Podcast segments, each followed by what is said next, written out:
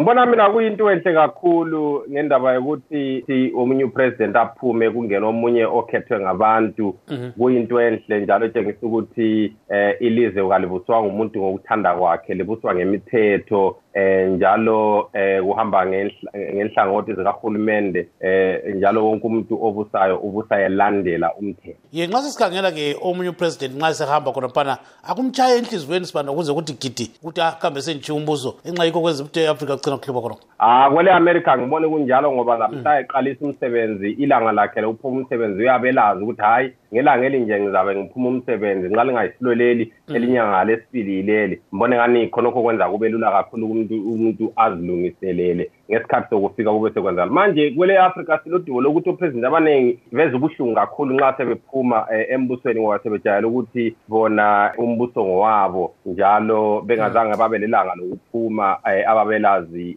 um phambili kokuthi baphume esihlalweni. Manje ezimbabwe yindaba okungenziwa khona kubona zani kuvalelwa kuyini? Izimbabwe um abantu abaningi bakhala ukuthi hhayi izimbabwe udubo layo yizanu p f lo president umgabe mm-hmm. lento ezifana lazenezo i-problem ngeyokuthi kwele zimbabwe into esithi i-democracy siyifuna isuka kuhulumende. Ayisiyo into esiyisebenzelayo njalo esiyisebenzisayo. Yikho bengingakhankasa eminyakeni emibili edlulileyo ngisithi hhayi abantu kabame kancane ukudinga umbuso welizwe. Kudinga ukuthi uqale kwakhiwe kufundiswe abantu ukuthi kathi nxa sikhuluma ngombuso mhm. ophakemeyo wedemocracy usetshenzwa njani usetshenziswa njani? Upresident we-amerika waqala ekuqaleni sibili beqeda ukubhala i-constitution. Bathe beqeda ukubhala i-constitution wathi hhayi phela idemocracy le sesilinike yona yinto enhle. Nxa likwazi ukuthi liyigcina njani. Mhm. abantu bezimbabwe singasabali umgabe le-zanu p f balodubo lokuthi idemocracy kabayazi ukuthi igcinwa njani. Njalo abakhokheli bakhangelwa njani ukuthi bangazibusi kakhulu. Khathesi ungakhangela i-emdc